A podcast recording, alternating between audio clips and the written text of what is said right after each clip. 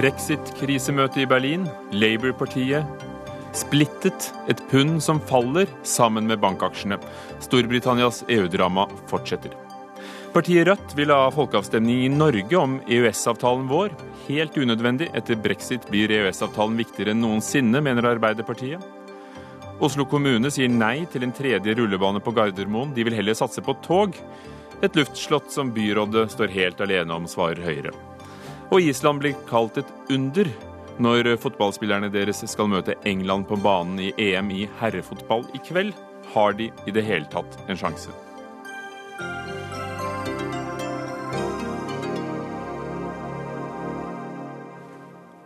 Velkommen til eh, Dagsnytt 18 med Ugo Fermariello i studio i dag. I dag holder Frankrike, Italia, Tyskland og EU i Berlin hastemøte. I morgen samles EUs statsledere til toppmøte i Brussel etter fredagens nyhet om at Storbritannia melder seg ut av unionen. Eller vil melde seg ut av unionen. I Storbritannia har folkeavstemningen og David Camerons varslede avgang utløst politisk krise. Pundet har falt til det laveste nivået på over 30 år. Bankaksjene stuper, og millioner av britiske EU-tilhengere maner nå til omkamp. Espen Aas, vår korrespondent i London. Selv om det ble flertall for å melde seg ut, 17,4 millioner ville det, ønsket hele 16,1 millioner briter å bli værende i EU. Og hvordan forholder de, i hvert fall de mest taleføre blant dem, seg til nederlaget? Nei, Det er jo gjerne de vi hører eh, mest fra. Vi har jo ikke hørt så mye til de såkalte seierherrene etter fredagen. Eh, som mange husker, så holdt jo tidligere London-borgermester Boris Johnson seg mest unna rampelyset. I dag kunne han ikke tie stille lenger. Han skrev en lengre artikkel i avisen The Telegraph, sin gamle arbeidsplass, og lot seg også intervjue for å forsøke å roe nervøsiteten noe ned. Og det er jo det denne dagen har handlet mye om. Allerede i tidlig morges, før markedene åpnet, var finansminister George Osborne ute.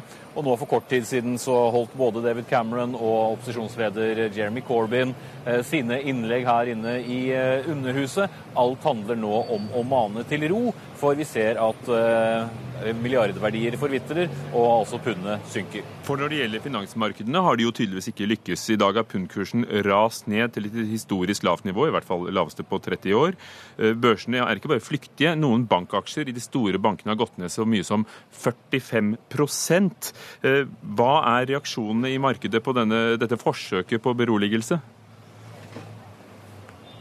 Det ser ikke ut som det hjelper noe særlig. Alle kjenner jo til hvordan britisk økonomi er. Problemet er at de vet jo ikke hvordan britisk økonomi blir, og hvor solid Storbritannias økonomi blir i en verden hvor de er utenfor eh, fellesmarkedet. Av et av de alvorligste fallene i dag har jo vært Royal Bank of Scotland, RBS, som jo staten er storeier i, og som lenge var planen at staten skulle selge seg ut av. Heller ikke den ser det ut som markedet har noe særlig tro på, og derfor har det gått i en eh, skikkelig eh, utforbakke.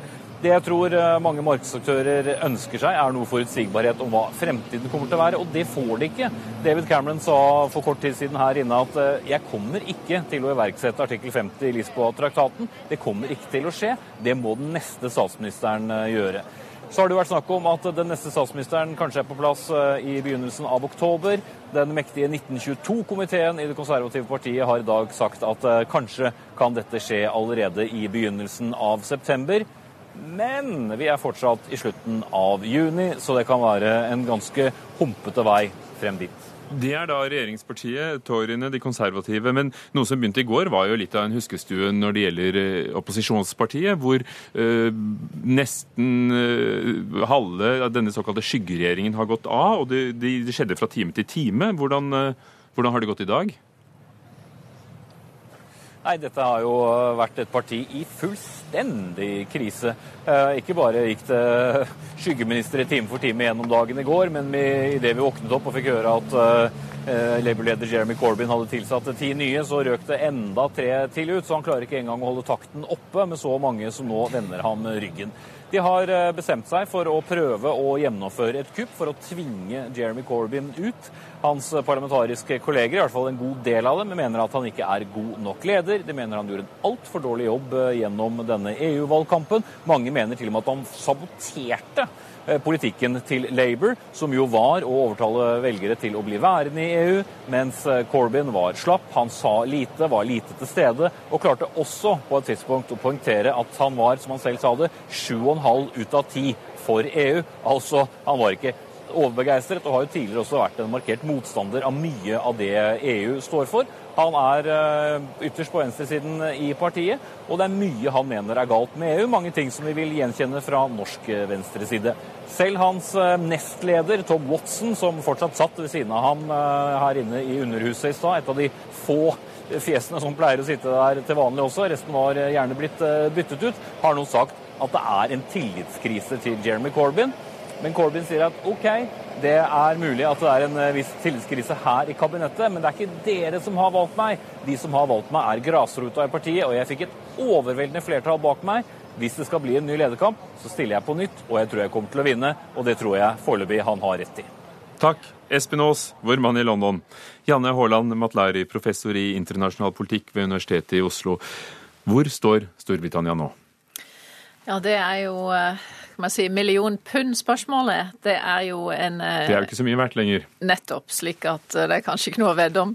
Eh, det er jo en frapperende, kan man si, ustabilitet som kommer veldig raskt. Men det, behøver, det bør jo egentlig ikke være overraskende, fordi ingen Det var ingen plan plan for alternativet som de nå har valgt. Det var på en måte en protest mot EU både på integrasjon og på det indre markeds eh, konsekvenser for eh, arbeiderklassen. Eh, åpne, åpne grenser, jobber som de utkonkurreres fra på en måte, Det er et klassedimensjon i dette, og det er altså distrikt versus London-dimensjon, hvor City har selvfølgelig en enorm betydning økonomisk, men det er jo en veldig spesiell del av den britiske økonomi. Så her er det ikke her har det vært et slags protestvalg eh, fra de da. De har vært størst. Og ser vi på stemmegivningen, så var det nøyaktig samme som i Norge i 94.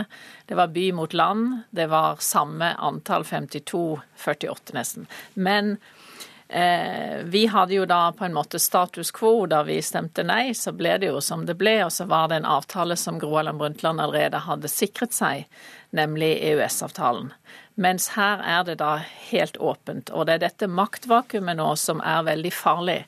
Fordi markedet som vi ser reagerer jo med en eneste gang på at ikke det finnes noe lederskap. Her er det verken leder eller plan. Så verre kan det ikke bli ut fra politisk håndverk. Så hvem har makten nå. Cameron skal gå av. James ja, altså, Corbyn, Cam lederen av Labour, altså, er under sterkt press? Labour er jo, altså, det er jo spinnvilt, det som foregår der. Det, men det er jo eh, heldigvis ikke Labour som har regjeringsmakten. Det er jo Toryene som må ta ledelsen her. Og da er, ikke, da er det ikke, mulig å si at kanskje 2.9 har vi valgt en ny leder, eller enda verre i oktober. Her må det jo være en leder som eh, skrider til verket og iverksetter denne eh, utmeldelsen snarest mulig. Eh, fordi at man kan ikke vente si om, om, Jeg forstår at Cameron gjerne vil vente til oktober, for han håper jo å redde stumpen, og kanskje blir det ikke noe særlig utmeldelse til syvende og sist likevel. Kanskje blir det noe som ligner veldig på vår, vår type eh, deltakelse da i EU. Men altså, eh, markeden, markedsreaksjonen gjør jo at man må handle nå, og ikke september-oktober. Vi skal til eh, kontinentet, som de sier i Storbritannia. Tore Tollersrud. Sier de Europa, det er ikke som det er en annen planet. Tore Tollersrud, eh, akkurat nå pågår det et brexit-krisemøte i Berlin. Forbudskansler Angela Merkel tar imot Frankrikes president Hollande, Italias statsminister Renzi, og i forkant av dette møtet har det ifølge det tyske Handelsblatt kommet en lekkasje fra den tyske finansministerens kontor. Ganske pikant. Hva inneholder den? Ja, eh, skal vi tro denne lekkasjen, så har eh, tyskerne vært forberedt på at eh, britene skulle trekke seg ut fra EU. E Dette dokumentet kommer jo fra finansministeriet, der den mektige Wolfgang Schäuble regjerer. Og Ifølge dette dokumentet så ønsker Tyskland at Storbritannia skal tilbys en handelsavtale med EU, men den må ikke være for lukrativ, i frykt for at også andre da vil vurdere å trekke seg ut av unionen. I morgen starter det to dager lange toppmøtet i Brussel om Storbritannias nei til videre EU-medlemskap. Er, er, Tyskland og Frankrike, som, som er de to største EU-landene, enige seg imellom om hvordan de skal eh, gripe an Storbritannia? Nei, de har gitt eh, noe ulike signaler. Franskmennene har jo vært hissige på at britene skal ut av EU fortest eh, mulig. Den franske utenriksministeren sa jo til og med at britene burde kunne skaffe seg en ny statsminister i løpet av noen dager, som kan trykke på denne berømmelige knappen og få prosessen i gang. Tyskerne har vært mer forsonlige i tonen. Forbundskansler eh, Angela Merkel har sagt at, dette, at de må eh, erkjennes at eh, britene trenger litt tid på dette. her, At det må pågå i en god forretningsmessig tone. Men hun sier også tydelig at det ikke er aktuelt å starte noen uformelle forhandlinger i, i, i forkant. Dermed så kan det jo nettopp det skje som det ble advart mot her i studio, at det eh, egentlig ikke skjer noen ting før det kommer en ny britisk statsminister på plass, eh, og at det i hvert fall ikke skjer noe i morgen, slik kanskje mange i EU hadde ønsket da David Cameron jo kommer til Brussel og EU-hovedkvarteret. Da hadde jo han hatt muligheten til å gi denne erklæringen som hadde blitt ønsket velkommen i EU. Eh, det kommer neppe til å skje, og onsdag skal da de 27 gjenværende landene i EU diskutere situasjonen etter brexit. Takk, Tore Tollersrud. Janne Haaland Matlari, litt av et dilemma EU står i. De er avhengig av, av Storbritannia og et godt forhold. og så vil man kanskje hevne seg litt? Nei, jeg tror ikke det er hevn det er snakk om, men det er interesser på kort sikt og på lang sikt. Fordi den kortsiktige interessen nå er jo å forhindre at andre land krever folkeavstemninger. Og blir det, en, eh, blir det en enkel, eh, grei avtale for britene, hvor de kan på en måte eh, raskt komme til en god enighet og beholde alt som er, på en måte uten å være med i kanskje Europaparlamentet og disse institusjonene, så vil jo det være fristende for andre hvis man kan ha en slags à la carte-løsning. Så EU vil jo avskrekke andre fra å ha folkeavstemning. For det står jo flere land i kø med partier på høyre, både på høyresiden og venstresiden, som ønsker dette. På lengre sikt har jo EU og Tyskland og Frankrike all interesse av å ha et tett eh, samarbeid med britene. For det er disse tre land som er de ledende i Europa. Det er de som eh, De to militære aktørene i Europa er, er eh, briter og franskmenn som allerede har et tett samarbeid. Så på lang sikt så ønsker jo Merkel og alle de andre i EU egentlig at EU skal forbli mest mulig tung og, og tung og viktig aktør med britisk støtte. Eh, sånn at eh, på litt lengre sikt så kan man jo eh, se en avtale som blir en handelsavtale Det kommer an på britene, hvor mye britene på en måte kan forhandle frem. For Boris Johnson skrev i dag i denne artikkelen sin at ja. ta det helt med ro, dere vil komme til å kunne arbeide og bo i, ja, i EU som, som før. før omtrent, men, men kan han ta det for gitt? Nei, jeg tror han er egentlig blitt litt vettaskremt av denne nye situasjonen. Fordi han er jo ingen statsleder med noe internasjonal erfaring. Han har jo eh, gått på dette eh, brexit-kortet, da. Han valgte jo det under tvil. Og det er jo ingen tvil om at hans primærønske er å bli statsminister. Det er ikke å være ute og forhandle noe uhyre vanskelig. Så jeg tror han eh, er veldig usikker på, på, hva han skal gjøre videre. Altså, han vil bli statsminister, men vil ikke ha all, all trøbbelet og nedsiden ved, ved, denne saken. Hvordan ville du sett ham eh, som et statsministervalg for det internasjonale samfunnet? Ja, Dette er jo Tory-valget, ikke sant. Og han, en, en, han, er jo den fremste av kandidatene der. Men som sagt, han har jo en eh, han Hvordan tror du han ville gjort det? Nei, jeg, jeg, tenker at eh, dette er litt sånn som Trump også, da, selv om Boris Johnson er en helt annen klasse enn han intellektuelt sett. Men eh, der hvor en eh, politisk leder ikke har noe internasjonal erfaring, så finnes det et kobbel av rådgivere. Så britenes diplomater og EU-kunnskap og alt dette her, det er jo topp. Det er jo i topp. Så han vil jo ikke mangle på gode rådgivere. I denne ventetiden før EU begynner forhandlingene, hvordan vil forholdet mellom EU og Storbritannia være? Ja, Det er et veldig eh, åpent spørsmål. fordi at som, som, sagt, Det er viktig å signalisere til andre land at man kan ikke bare forsyne seg av fruktfatet og liksom være gjest eh, og ikke være med på å betale regningen til slutt.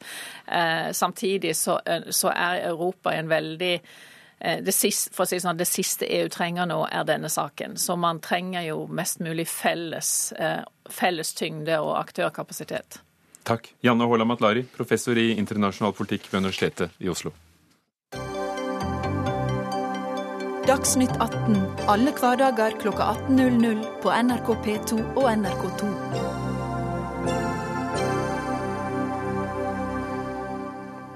Også i Norge er det blitt politisk røre av Storbritannias ønske om å gå ut av EU.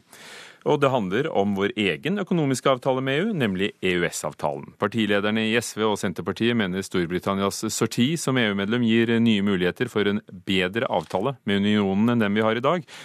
Bjørnar Moxnes, leder i Rødt. Du sa til Nyhetsmorgen her i NRK i morges at det bør holdes en folkeavstemning om vi fortsatt skal ha EØS-avtalen sammen med Island og Liechtenstein. Hvor mener du, øh, hvorfor mener du folket bør få si sitt akkurat nå? Vi har jo i to runder eh, sagt eh, nei til EU, men det har aldri vært noen folkeavstemning om, eh, om det som egentlig er en snikinnmelding i EU, som EØS-avtalen jo åpenbart er. Det er en avtale som både tilhengerne av den i Norge og motstandere er enige om at er en demokratisk fiasko. Den innebærer jo at, at veldig mye makt overføres fra vårt storting til Brussel, uten at vi har noe som helst påvirkning på det som gjøres av lovgivning i Brussel. Så nå når verdens femte største økonomi eh, går ut eh, av EU, får vi en ny situasjon. EU eh, e er ikke det samme som det var forrige uke. Nå skal britene inn i forhandlinger med EU og få en, slags avtale med, unionen.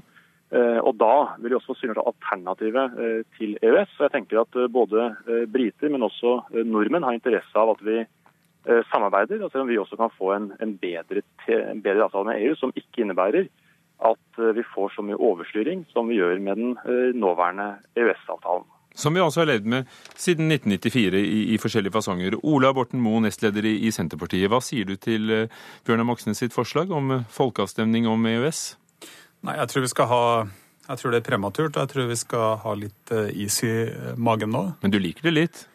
Ja, altså, det er ingen tvil om at Senterpartiet ønsker annen tilknytning til EU eh, e enn EØS-avtalen. Som eh, Moxnes helt riktig påpeker, så har jo den eh, blitt kritisert av både ja- og nei-sida for å være udemokratisk og for ikke å gi oss i Norge tilstrekkelig styring over egen hverdag. Og så har den fortsatt eksistert fordi at man ikke kunne ha blitt enige om alternativet. Men det som er interessant i denne situasjonen, det er at det fort kan dukke opp andre muligheter.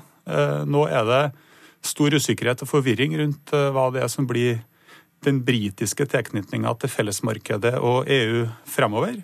Eh, min analyse og Senterpartiets analyse er at eh, Storbritannia fort kan få en tilknytningsavtale som ser mer lukrativ ut enn dagens EØS-avtale, der man f.eks. vil slippe å eh, implementere alle de direktivene og alle den lovgivninga som vi nå bare blindt aksepterer. og Det bør vi ha en åpen holdning til å, å se på. Og kanskje sammen med Storbritannia også, være noe mer proaktiv enn det ser at regjeringa og ja-partiene er nå, der man egentlig bare har gått fra å kritisere EØS-avtalen fra å være udemokratisk til å nå ta den veldig sterkt i, i, i forsvar og si at det ikke er noe alternativ. Så du vil bruke den tyngden Storbritannia kan gi? Du vil bruke Storbritannias tyngde, slenge deg litt med? Jo, men Det er jo helt eh, åpenbart at når eh, verdens femte største økonomi og det ledende landet i, eller et av de absolutt ledende landene i Europa velger å melde seg ut, eh, så skaper det et helt nytt moment og et helt annet alternativ. Og det her er jo, er jo også godt historisk beskrevet. altså når vi hadde vår første EF-kamp, eh, e EU-kamp i 1972, så var jo det nettopp utløst av at Storbritannia valgte å orientere seg mot EU eh, e og Brussel, istedenfor å forbli i EFTA sammen med oss. Henrik Asheim, stortingsrepresentant for Høyre. Som tilhenger av EØS, så burde vel dette være en, en gyllen anledning da, til å, å, kunne reforhandle i hvert fall bedre kår. Vi hadde din partifelle EU- og EØS-minister her i studio på fredag som sa at, at EØS-avtalen er en fast og god løsning for oss. Ja, det er i hvert fall et kompromiss som vi lever forholdsvis godt med ettersom vi ikke ble medlem av EU i 94. Men det er klart at eh, hvis det er noe tidspunkt hvor man ikke skal starte denne debatten på, mener jeg, så er det nå. Nå er det en grunn til at Storbritannia er i en veldig alvorlig situasjon. Det er fordi de ikke har en plan B. Og husk på at når vi eh, vedtok EØS-avtalen, så var det før vi sa nei til EU. Eh, da vi sa nei i 94, så hadde vi en EØS-avtale på plass som slo inn 1.1.1995. Gro Harlem Brundtland hadde laget plan B Nettopp. før hun gikk for A. Og det gjorde at nei i 94 fikk ikke de alvorlige konsekvensene som britene eh, er inne på nå, og som Matlari for så vidt var inne på i forrige innslag også, nemlig at man har ingen plan B og man har ingen ledelse, og da kollapser det.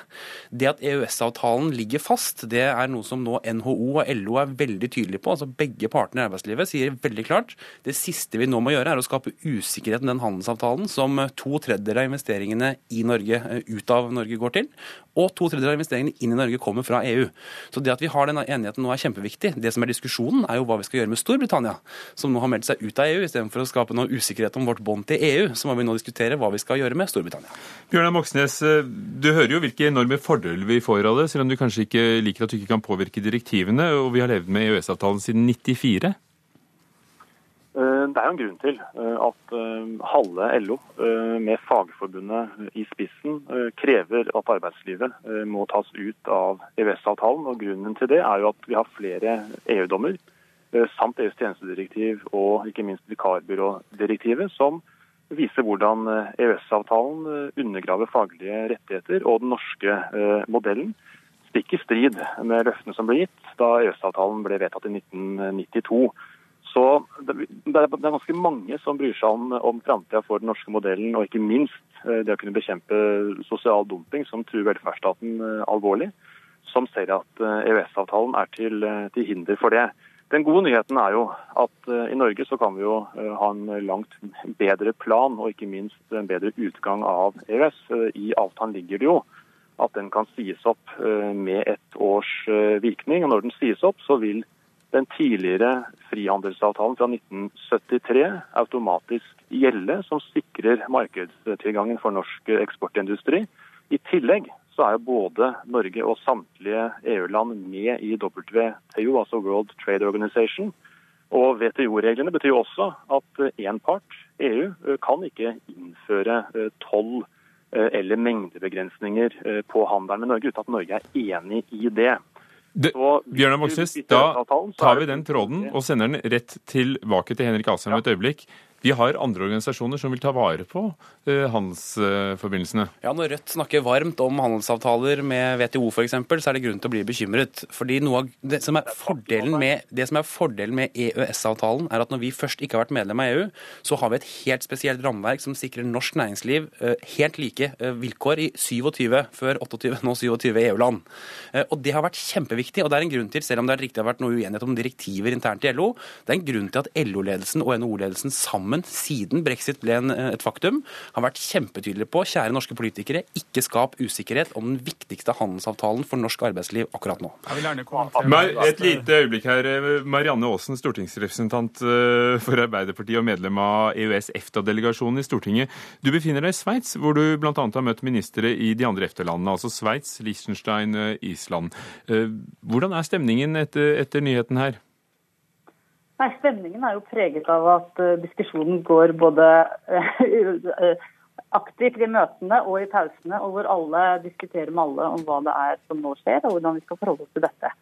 Og Vi har vel egentlig, er jo ganske bred enighet vil jeg si, om at det som er EFTAs jobb, da, er å ivareta handelsinteressene våre mellom EFTA-landene, de fire landene, Sveits, Liechtenstein, Island og Norge, og Storbritannia. Sånn at det blir ivaretatt. for Det er det det handler om for oss. Og Da er det man blitt enig om å holde kontakt om akkurat det temaet framover. Men, men Sveits, Sveits, har jo prøvd dette eh, som det er snakk om her, altså å, å ha en avtale med, med, EU som ikke er EØS-avtalen. Kan det være en modell for Norge? Jeg vil advare sterkt mot det. EØS-avtalen har tjent oss veldig bra, og Sveits har vært på en veldig humpete vei eh, med alle disse eh, bilaterale avtalene på hvert eneste tema, enten det gjelder forskning, bevegelse av arbeidskraft, kapital osv. De har forhandlet siden 90-tallet. De er fortsatt i forhandlinger om innvandring. Eh, og de sliter. De sliter hele veien. Eh, og i tillegg så er det, sånn som mange ikke vet i Norge, er at en tredjedel av lovene i Sveits er prikk like de i EU. De betaler penger for å være med i alle de programmene de må være med i, og de betaler også penger for å utjevne forskjellene i EU, sånn som vi gjør gjennom EØS-avtalen. Sånn at det, det finnes ingen gratis lunsj man må, skal man være med i å være, ha de store fordelene det er å være en del av helt eller delvis med i det indre marked, så må man bidra også, og ikke bare ta og plukke gratis frukter. Ola Borten Moe, eh, er, du, med kanskje å skape usikkerhet eh, for næringslivet når man begynner å så tvil om EØS-avtalen? Veldig glad for at du stilte det spørsmålet. fordi at Det man så i både 72 og 94 i Norge, det var jo at det fra næringslivet og næringslivsorganisasjonene eh, ble, og fra ja-sida ble skapt et veldig bilde av at hvis man nå ikke gikk inn, så kom det til å gå Norge veldig ille. Det samme bildet har man jo nå trukket opp Eh, i forhold til Storbritannias eh, skjebne. Jeg tror at de kommer til å bli gjort til skamme i Storbritannia, akkurat på samme vis som de ble gjort til skamme i Norge senest i, senest i 94. Det er ikke noe annet land som har hatt en like positiv utvikling i Europa som Norge etter 94. Og så er det jo også sånn at det, heller ikke nå så er det et, et vakuum. Fordi at eh, For det første så vil jo eh, frihandelsavtalen gjelde. altså Det er ingen som er imot. og Vi har også et lovlig rammeverk rundt, eh, rundt markedsadgang, gjensidig markedsadgang i Norge og i Europa. Og så kanskje det viktigste poenget. Europa er jo Europa geografisk, kulturelt Eh, og historisk. Og det er helt utenkelig at man skulle nå starte en regional handelskrig som en konsekvens av dette her. Ingen, Vel, vi har jo toll, vi har jo vår egen landbrukspolitikk med tolltariffer. Dette kan skje på, skje på, andre områder òg. Poenget er bare at det kommer ikke til å skje, for at interessene er altfor sterke for å få dette her til å gå. Jo, men Borten, Du sier liksom at dette er skremsler fra næringslivet. Se på hva som skjer i Storbritannia akkurat nå. Se på hva som ble sagt i Norge før 28.11.94. Ja, november 1994. Ja, og Borten, hva er grunnen til at ikke vi fikk den samme resultatet? Fordi vi hadde EØS-avtalen. Og det er den du nå argumenterer for å også sette på spill. Og det er ganske alvorlig, for grunnen til at Norge kom seg så godt gjennom det, og ikke hadde det voldsomme krakket som Storbritannia nå opplever, er nettopp fordi vi hadde en plan B klar. Vi hadde jo frihandelsavtalen før EØS-avtalen. Henrik Asheim. Ja, men vi hadde også ja. en EØS-avtale som var Og Den regulerte jo vårt forhold til Europa i over 20 år, og det gikk jo veldig fint. Men EØS-avtalen var åpenbart langt bedre for norsk næringsliv enn det den frihandelsavtalen var. og det er jo ja, hvordan til, kan du hevde det? Det er jo grunnen til at både NHO og LO nå ber oss om å slå ring om den avtalen. Ja, fordi, den sikrer, fordi den sikrer norske eh, aktører Altså To tredjedeler av investeringene inn til Norge kommer fra EU. Nå har vi et likt rammeverk for alle EUs medlemsland. Den store bekymringen nå Borten Moe, er jo ikke vårt forhold til EU, det må jo for guds skyld bevare. Men hør jeg, det som er store diskusjonen, er vårt forhold til Storbritannia, som er et svært land, som nå har gått ut av EU og det rammeverket. Og det store spørsmålet nå er hva de skal gjøre. Og det de peker på nå, også på livsiden, er jo EØS-avtalen. Ola Borten Moe, er, er du redd for å sette ut en folkestemning, sånn som Cameron, og få et resultat du kanskje egentlig ikke hadde lyst på?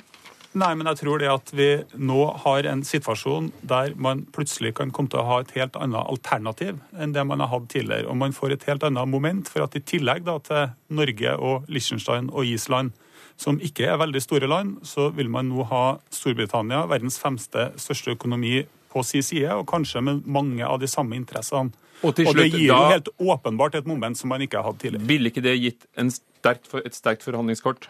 Eh, å ha Storbritannia med. Ja. Nei, altså Den store jobben vår nå er å sørge for at vi bevarer våre bånd til EU slik som vi har med EØS. Og så må vi se hvordan vi sammen med Storbritannia kan lage en god avtale, hvis de nå forlater EU, da.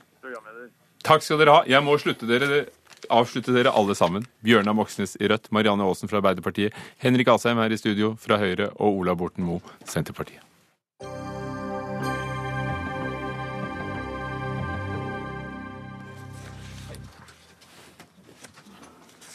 Det skal handle om uh, rullebaner.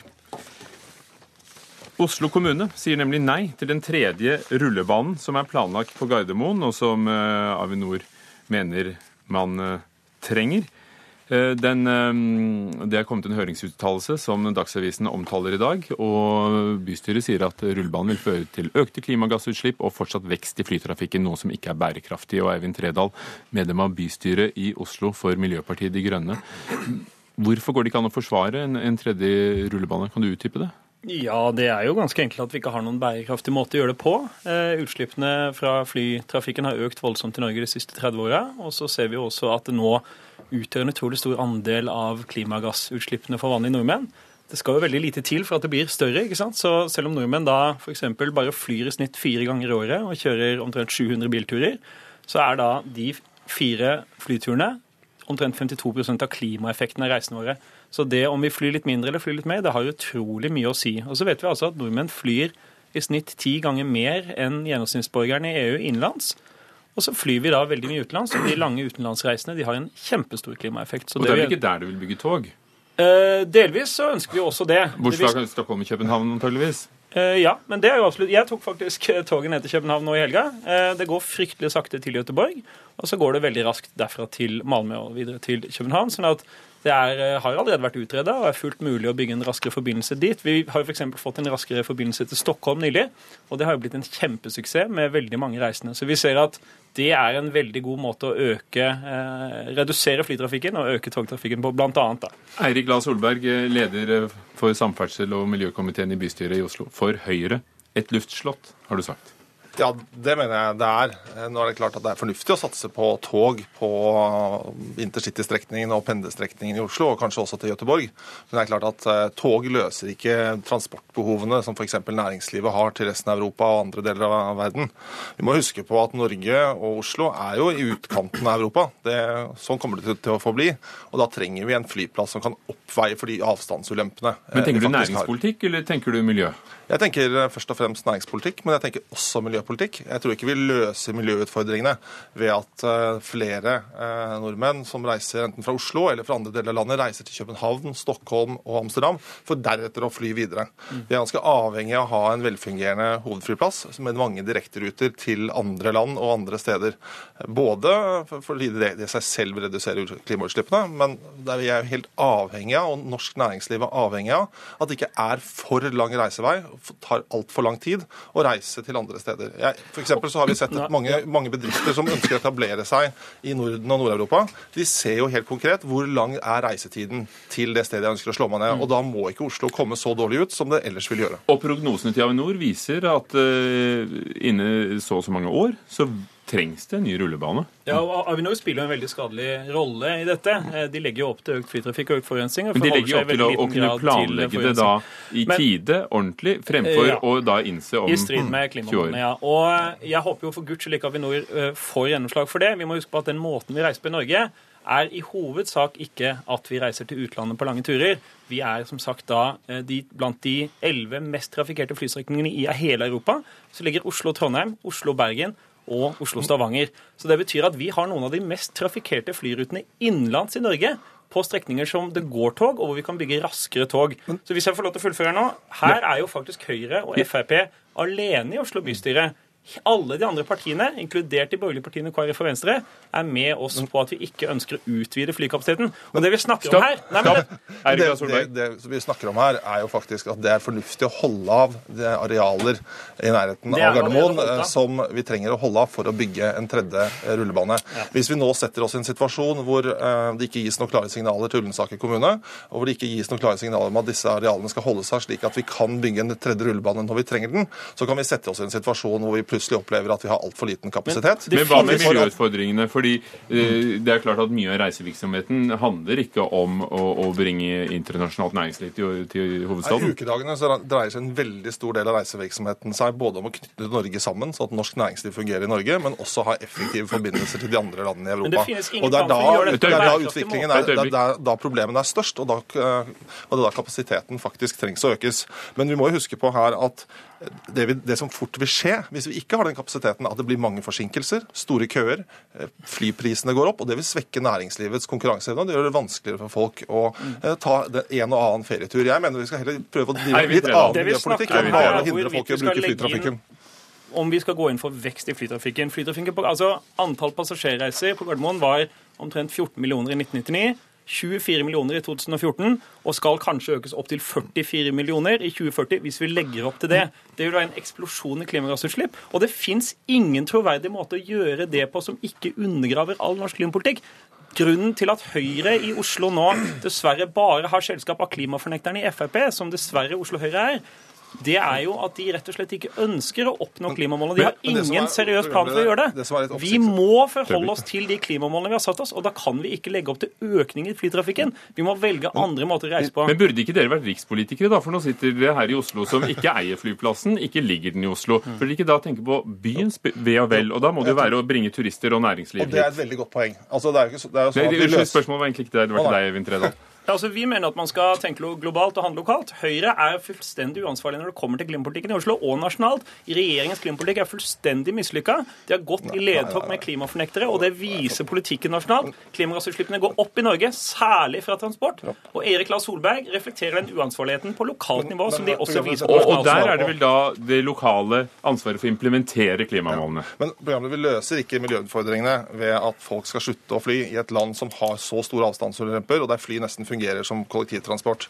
Og hvis du ser på hva, hvis du ser, hvis du ser, hva regjeringen, hvis du ser på hva regjeringen har gjort for å styrke klimaarbeidet, så er det jo sånn f.eks. at i år, eller i 2015 var 18 000 flere togavganger enn i 2014.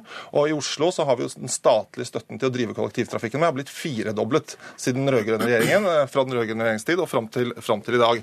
Og eh, I noen år under den rød-grønne regjeringen så fikk vi faktisk null i støtte til å drive kollektivtrafikken. Og nå er det betydelig satsing på mer kollektivtrafikk og investere i store prosjekter, som jeg og Eivind Tredal er enige om. Men vi kan ikke tro at vi i fremtiden kommer til å klare oss med mindre flyreiser når befolkningen både i Norge og særlig i Oslo-regionen vokser så kraftig. Og da kan det kanskje heller satses på biodrivstoff og fly. Nye fly som bruker, nye fly bruker langt mindre enn tidligere modeller Eh, osv. Det er oppsiktsvekkende at du som journalist går inn for eh, metoder som forskeren, forskerne sjøl sier ikke inn for noen vil. ting. Men Jeg foreslår fall- andre løsninger. Poenget er i hvert fall, Det går ikke an å bli slank hvis du spiser masse potetgull hver dag og så spiser en gulrot i tillegg. Det er Høyre og FrPs politikk. Det hjelper ikke å bevilge mer penger til kollektive miljøvennlige løsninger hvis det ikke erstatter de forurensende transportmetodene vi bruker i dag. Vil du legge ned den andre rullebanen på Gardermoen? Nei, jeg, vi ønsker i denne omgang. Ja, altså jeg mener at flytrafikken bør ned i Norge. Jeg er glad for at nå regjeringen har innført en politikk som reduserer flytrafikken. Vil du lagt ned én av to rullebaner, f.eks.? jeg mener definitivt at det at regjeringen nå har innført for eksempel en flyavgift som gjør at eh, Rygge kanskje må legge ned, helt fint for meg. Mindre flytrafikk er målet. Da må vi akseptere Dere- skal reise på andre måter. Vi må stoppe her. Takk skal dere ha. Eivind. Tredal fra Miljøpartiet De Grønne og Eirik La Solberg fra Høyre, begge fra bystyret i Oslo.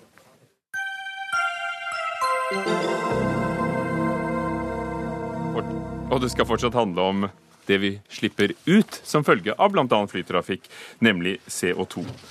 Eh, Oslo kommune, eh, skal vi se. Her er det vi skulle snakke om. For i alt snakket om Storbritannia, som forlot unionen fredag, så var det én sak som gikk litt under radaren for mange, nemlig at Olje- og energidepartementet utsetter prosjektet med å lage et anlegg som fanger og lagrer CO2 fra målet som var i 2020 til 2022, altså to ekstra år. Og Tord Lien, olje- og energiminister fra Frp, hvorfor i all verden utsette noe som virker så viktig?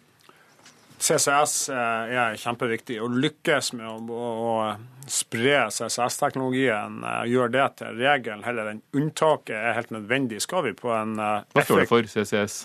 Karbonfangst eh, og -lagring. Det betyr jo at du skjeller ut eh, karbonet, som, eh, som er det som bidrar i stor grad til klimaendringen, eh, fra røykassen og deponerer det på en sikker måte for å unngå at karbondioksidet slipper ut og bidrar til, til klimaendringer. Det er det viktig å lykkes med, skal vi klare å svare på utfordringer vi fikk fra verdenssamfunnet i Paris før jul. Samtidig så er det veldig viktig å Men når vi tenker på hvor lenge vi har hørt snakk om det, helt Ja. siden Mongstad-prosjektet, den berømte månelandingen som til slutt ble skrinlagt, er ikke da 2020 ganske realistisk? Nei, det har jeg lyst til å si at nettopp lærdommen fra Mongstad eh, har vi eh, tatt utgangspunkt i når vi starta dette arbeidet i 2013. Så er det greit å huske på at i Europa så snakka man for ti år siden om at man i 2015 eller 2016, altså i år, skulle ha en plass mellom 10 og 15 fullskala karbonfangstanlegg på plass. Så langt er ingen av de realisert, og det er kun de norske offshoreprosjektene på Sleipner og på Snøhvit i hele Europa som faktisk er i operasjon. Så dette er krevende arbeid, og det må møtes gjennom en industrielt orientert prosess. og Det må bygges stein på stein. Det har vi eh, fra denne regjeringas side lagt til rette for fra 2013. Og jeg må jo si at den mulighetsstudien som nå vil bli eh, offentliggjort i større detalj 4.7, viser at det er gjort veldig mye godt arbeid. Både eh, fra statens side, men ikke minst også fra de mange industrielle aktørene som har tatt tak i, i dette arbeidet på en seriøs måte. For Det er jo ikke det å fange CO2 i Norge som er kjernen i dette prosjektet. Det er jo å bidra til å utvikle og spre teknologi.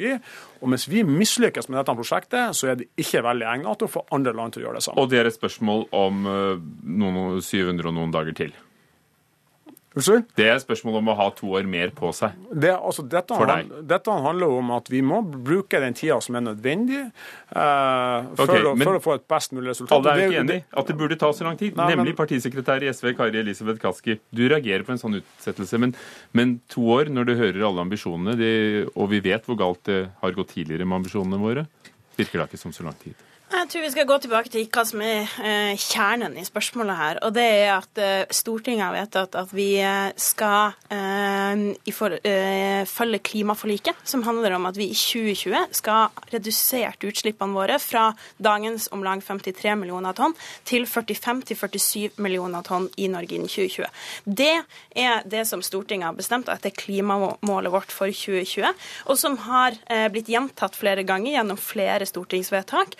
Og en, vi har en regjering i dag som gikk til valg på i 2013 at de skulle forsterke klimaforliket, noe de har gjentatt ved flere eh, anledninger. Når de nå sier at de ikke kan få på plass et karbonfangstanlegg innen 2020, men utsetter det til 2022, så innebærer det at vi ikke når de målene i klimaforliket. Det innebærer at utslippene kommer til å være høyere enn det det målet sier. Eh, Det er et klart løftebrudd. Det er et brudd med eh, det vedtaket Stortinget har gjort. Eh, Og vi forsinker altså da utviklinga av en enormt viktig teknologi som vi trenger for å nå også de internasjonale klimamålsetningene. Nei, Jeg har bare lyst til å si at eh, den jobben vi har gjort nå, den viser det altså at vi har eh, tre forskjellige fangstprosjekter som er mulig å gjennomføre. Eh, Det mener jeg er svært gode nyheter. Det viser at det er mulig å gjennomføre dette sammen Nettopp. med transport og lagring til en kostnad som er langt lavere enn det, eh, som, eh, de, de tallene som, eh, som Jens Stoltenberg presenterte på slutten av sin eh, regjeringstid. Det mener jeg er gode nyheter. Og at vi da, ifølge de industrielle aktørene som jobber med dette, eh, må bruke noe mer tid enn ambisjonene har vært, eh, det mener jeg er til å leve med. Og så er det jo verdt å merke seg at et bredt flertall på Stortinget har slutta seg til at hovedmålsettinga er å, å gjennomføre dette som en industriell prosess, med formål å bidra til spredning internasjonalt av karbonfangst og -lagring. Og et mislykka karbonfangst- og lagringsprosjekt i Norge vil ikke bidra til at andre land tar, gjenopptar sine planer og tar aktivt fatt i å spre karbonfangst og lagring- som er en sentral del av løsninga på verdens klimautfordringer. For dette er jo altså øh, resultatet av denne mulighetsstudien, og det er gjort ved tre steder. Yaras gjødselsfabrikk i Porsgrunn, Norcem sementfabrikk i Brevik og øh, Oslo kommunes avfallsanlegg. Da går jo ekspertene, forskningen og industrien inn og sier at vi trenger to år til. Da må da det være verdt å lytte til. Ja, og det som har skjedd på CCS de siste årene, eller karbonfangst i Norge de siste årene, det ble igangsatt av den rød-grønne regjeringa.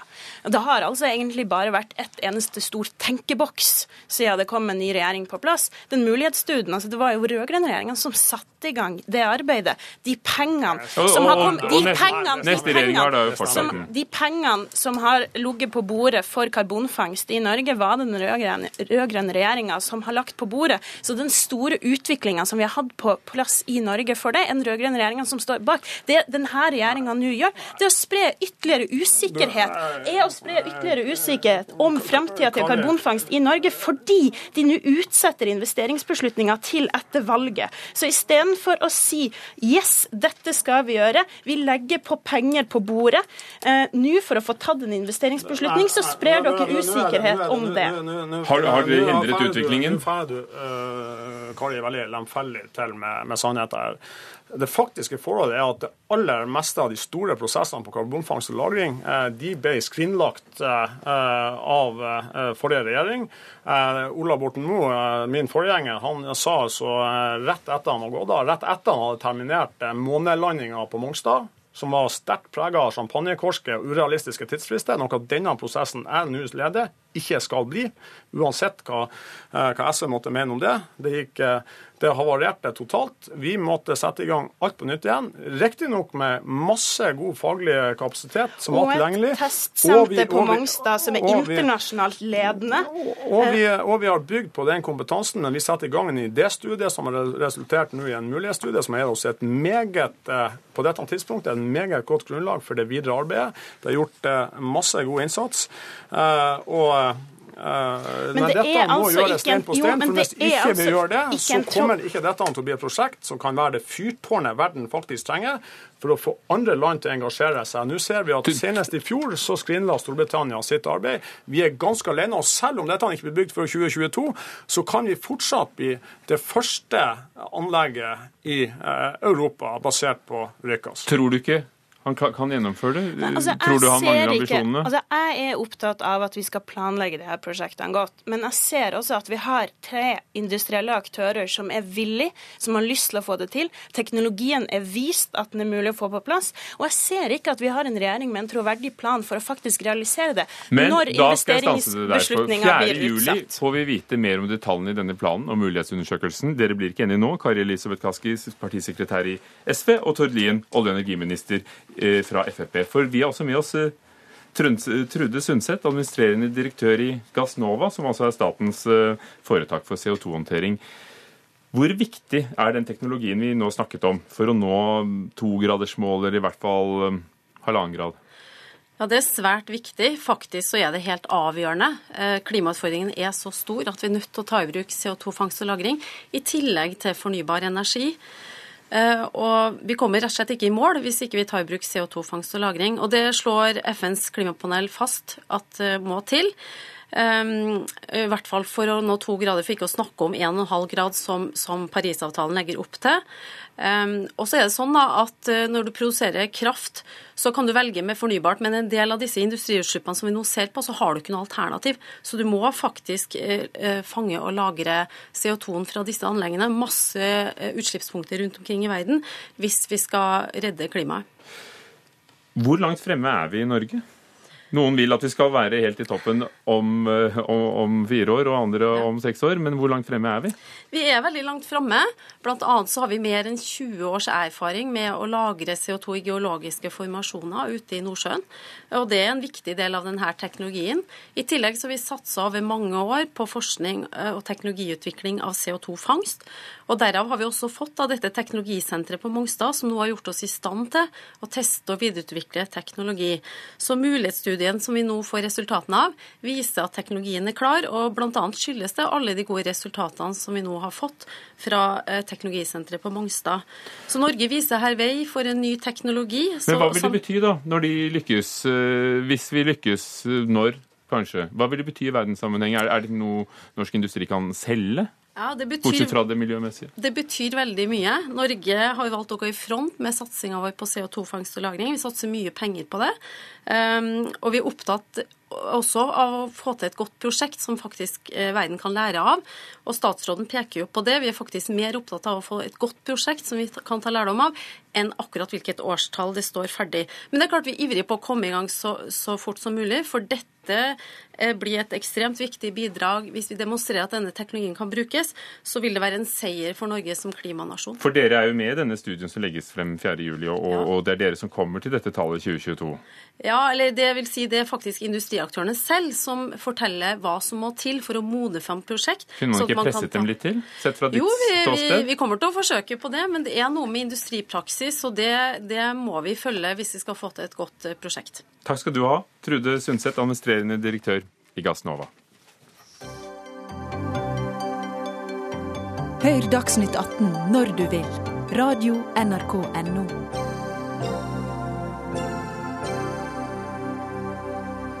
For vi må gi gass også her i Dagsnytt eh, 18.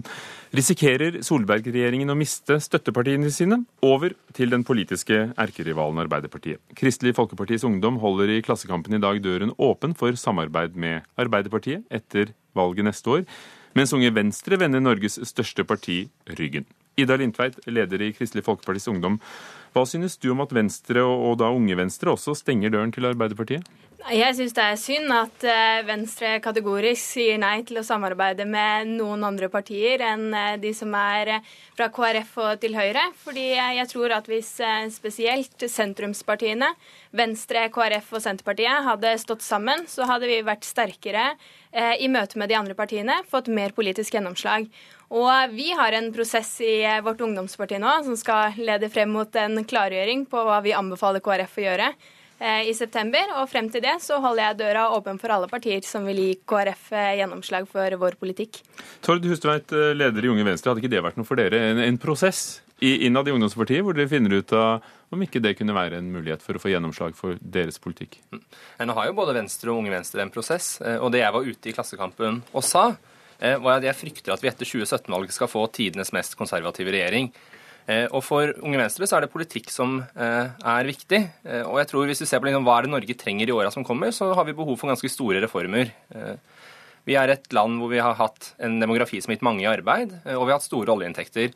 Og I åra som kommer så blir det færre i arbeid, flere utenfor, og det blir lavere oljeinntekter. Og Da trenger Norge reformer, og det jeg frykter er at vi skal få en veldig konservativ regjering etter 2017-valget. Og så håper jo jeg at vi kan se også Arbeiderpartiet eh, gå inn for mer reformer, vise at de også ønsker omstilling av Norge. Og da vil du samarbeide med dem? Og da er det mer aktuelt å samarbeide. Mer aktuelt? Ja. Eh, dette handler om hvem som skal altså styre landet etter valget neste år. Eh, hvorfor er du kritisk i Dalinta, til hvordan Venstre er kommet til sitt resultat? da? Jo, Det vi har vært opptatt av, er å stake ut noen politiske saker som vi mener at vi må ha gjennomslag for fremover. Og Det er mindre oljepengebruk og omstilling av økonomien. Det er en eh, bedre asyl- og innvandringspolitikk og en mer human eh, politikk på det området. Eh, at Norge tar sterkere eierskap internasjonalt når det gjelder klimakampen, og mer fokus på fattigdomsbekjempelse. Og det jeg har sagt i Klassekampen, er jo at hvis Arbeiderpartiet kommer oss i møte på disse sakene, så ser jeg ingen grunn til å ikke ikke samarbeide med Arbeiderpartiet, fordi at både den rød-grønne regjeringen og den blå-blå regjeringen har levert heller dårlige resultater på disse områdene. Eh, og Derfor syns jeg det også er spesielt at Venstre utelukker et samarbeid, eh, uavhengig av hva slags politikk det er eh, grunn til å se på. Eh, for jeg mener at hvis Arbeiderpartiet eh, stenger eh, oljepengekrana, sånn som både Unge Venstre og jeg ønsker, så mener jeg at det er en bedre samarbeidspartner enn Frp, som sløser med de pengene. Tord Hustveit, ville ikke det vært et godt forhandlingskort eh, i budsjettforhandlingene og, og når det er snakk om å støtte regjeringen, at dere holder den døren åpen, også til Ap? Jeg er jo litt uenig med KrF sitt premiss om at vi har stengt døra eh, helt. Eh, men det vi har sagt, er at vi har ikke sett noe imøtekommenhet fra Arbeiderpartiet sin side. Og hvis du ser, Ta en av de store sakene som har gått den våren her, det har vært flyseteavgift. Eh, endelig fikk man til en miljøavgift på flyreiser, og det har vært Arbeiderpartiets største kampsak eh, å fjerne det. Det har vært noe de har vært, brukt mest energi på den våren her. Og hvis de ønska seg et sentrum-venstre-samarbeid, eh, så mener jeg at da skulle de vært mer tydelige på progressive saker, mer tydelige på reform, og vist liksom hvilke reformer er det Arbeiderpartiet ser for seg at Norge trenger. Og jeg tror På noen av de områdene hvor, hvor Venstre og, og Unge Venstre er mest enige med Arbeiderpartiet, så tror jeg at et samarbeid med Arbeiderpartiet, Venstre, KrF, Senterpartiet ikke ville fått til de reformene. F.eks. er jo noe av det jeg syns er mest sympatisk med Arbeiderpartiet, er verdipolitikken deres eh, og ruspolitikken deres. Og jeg tror vi kunne fått til mye god ruspolitikk med Arbeiderpartiet. Men med en gang du får en sånn konstellasjon som vi, jeg skisserte da, eh, så tror jeg ikke det vil få gjennom det. Og Har du virkelig tro på at dere i KrF ville fått gjennomslag i et samarbeid med Arbeiderpartiet? Ja, Vi har sagt saker? hvilke saker vi ønsker gjennomslag for. og I motsetning til Tord så sitter ikke jeg og analyserer mest de andre partiene. Jeg er opptatt av å si at vi må ha gjennomslag for en kommunereform og videreføre den eh, hvis vi skal være i et samarbeid eh, videre etter 2017. Og Når det ligger i potten, så får de andre partiene da komme og si om de vil samarbeide med oss eller ikke. Eh, og politikken der er da avgjørende for om eh, Arbeiderpartiet kommer til å samarbeide med oss. Er det ikke et spørsmål om ideologi og ikke bare hvilke saker og hvor de kan få gjennomslag? Er det virkelig tenkelig for, for Venstre eh, som et borgerlig parti å, å samarbeide til, med Arbeiderpartiet? Jeg tror det viktigste for oss er de politiske sakene. Eh, og så er det klart alle partier har verdier, og det ligger et verdifellesskap til grunn. Eh, og selv om Venstre og KrF på mange områder står langt fra hverandre politisk, så har vi også noen sånne grunnleggende verdier som gjør at vi ofte samarbeider. F.eks. at vi ønsker at beslutninger skal tas nærmest mulig den enkelte. Men så er det jo Ida sier at vi er mest opptatt av å analysere, men vi gjennomfører jo politikk hver eneste dag på Stortinget. Eh, og da tenker jeg at Hvis man ønsker å samarbeide med noen over tid, så må man også klare å finne sammen på Stortinget i dag. Eh, og Det er den viljen jeg i dag ser vi får mest igjen med å samarbeide med Høyre og Frp. Og skal det snu, så må vi også få igjen mer på andre sida. Og så får vi se hvordan det går når dere har fått uh, samlet alle tankene i, i, også Kristelig Folkeparti. Takk skal dere ha. Ida Lindtveit, leder av KrFU, og Tord Husveit, leder av Unge Venstre.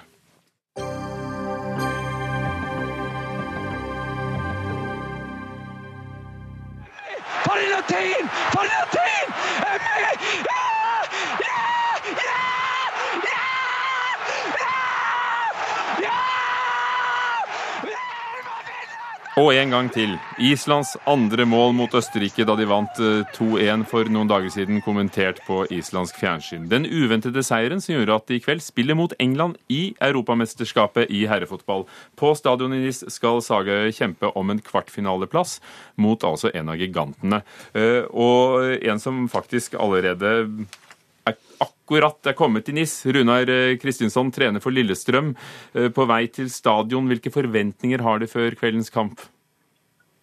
Nei, vi har jo alltid hatt store forventninger i det mesterskapet nå. Men uh, klart vi vet at vi er underdogs i denne kampen. England er jo klare favoritter. Og, og, men vi, vi, håper at vi kan gi dem en kamp, så det ikke blir noe walkover. Og det blir ikke noen sånne stygge sifre som ble i går når Tyskland slo Slovakia og uh, Belgia slo Ungarn. For hva er det dere kan, siden du er islending? Nei, vi har, Island har jo forsvart seg veldig godt uh, hittil i turneringa. Og uh, vært flinke på å bruke de få mulighetene de har skapt. Det er klart de ligger lavt hele tiden og, og prøver kontra og brukt lange innkast der og alt det der. Men nå håper de lykkes med det igjen i dag. og og håper historien fortsetter med den til Lars Lagerbäck. Han har aldri tapt mot England i en, en stor kamp. Tror du de kan vinne? Ja, ja, i fotball dette, dette er cupkamp nå. Det er 90 minutter, kan bli for lenge, kan bli straffer. Og, og mye kan skje. Du kan, når du ligger lavt og hvis du forsvarer deg godt, så kommer du alltid å få en eller to muligheter i kampen. Du kan også rake for å få en god kontringsmulighet. og Det kan skje ting som Tilmatinga for en av lagene på rødt kort. Så det er alltid muligheter. Men liksom ser vi på det i, liksom, Da er det England som skal vinne den kampen. Det skal ikke være noen tvil om det. Men, men, i fotball kan alt skje. Og i et sånt mesterskap da, er det alltid noe som overrasker oss. Even Smith Wergeland, fotballskribent ved tidsskriftet Josimar. Hva har Island å stille opp med mot kjempene fra England i kveld, som du ser det? De har vært svært gode på et par veldig elementære, men effektive ting. Duellstyrke og løpskapasitet. Altså, Island er et lag som minner om det Norge var gode på på 90-tallet. De spiller en direkte fotball, og de vinner rett og slett mange avgjørende kamper foran mål. Både sitt eget og motstandermålet. En parallell til det vi kalte Drillo-fotball på ja, 90-tallet? Kan det vare? Jeg tror jo ikke det. Så mange andre har blitt veldig sjarmert av Island og imponert over det de har fått til, men jeg tror rett og slett at England har litt mer klasse. I tillegg, i og med at Island spiller en såpass fysisk krevende fotball, så tror jeg kanskje at de kan være tomme for energi. Det så en litt i gruppespillet mot slutten av kampene, at det er en spillestil som røyner på, og det tror jeg England profitterer på. De har mye mer mannskap som de kan sette inn. Det kan bli avgjørende i kveld. For den som ikke er vant til å følge EM-kampene, hva og hvem skal vi se til på banen i kveld? Altså Min favoritt på Island er utvilsomt spissen Kolbein Sigthorsson. Mannen som aldri taper en hodeduell. Han er ekstremt viktig for, for deg. Ser man på England, så er det jo den unge lovende midtbanespilleren Della Alley, som i fjor faktisk spilte på nivå tre i engelsk fotball, og som i løpet av denne sesongen har blitt en virkelig stjernespiller. Han tror jeg kan bli den kreative kraften som vipper dette i Englands favør. Har du noen eksempler fra fotballhistorien om at underdogen faktisk kan nå helt frem? Altså Det beste eksempelet av alle er nok i EM i 2004, da Hellas vant mot absolutt alle odds. Så det kan jo skje. Runar Kristinsson, trener for Lillestrøm. Har du, har du forventninger til at, at Island går videre? Jeg har ikke store forventninger til det, men som jeg sa tidligere, liksom, jeg håper at de gir dem en kamp, så det blir spenning for alle de som har reist for å se på kampen. Altså, og se på den på TV, så at det ikke blir noe walkover, og at England blir klart, uh, vinner klart. Så Jeg håper Island kan gi dem en kamp, og det blir en, uh, en, et godt, godt kveld for alle som, som elsker fotball. En østerriker Jens Smith Wergeland, hadde regnet ut, og dette har gått som en farsott i sosiale medier, at det, er faktisk bare noen titalls islendinger, islendinger, som i det hele tatt kan spille på landslaget, fordi de må ha egnet kroppsfasong, ikke være kvinner, ikke være barn osv. De måtte heller ikke være saueklippere, i og med at saueklippesesongen er akkurat nå. Det var jo et, et, morsomt bilde på det faktum at Island selvfølgelig har et, et, mindre grunnlag å ta av. Men når det er sagt, så, så er det jo 20 000 aktive spillere på Island, så de har, de har litt og kampen begynner i kveld klokken 21. Takk skal dere ha, Even Smith Wergeland, fotballskribent, og Runa Kristinsson, trener for Lillestrøm, som akkurat er på vei til stadion i NIS. Det var Dagsnytt 18 for i dag. Ina Tune Øresland var produsent, Erik Sandbråten teknisk ansvarlig, Ugo Fermariello programleder. Og vi tar med at eh, Tyskland, Frankrike og Italia akkurat er enige om at det ikke skal holdes verken formelle eller uformelle samtaler med britene før de har levert sin oppsigelse til EU. Det sier statsminister, Tysklands statsminister Angela Merkel. Takk for i dag.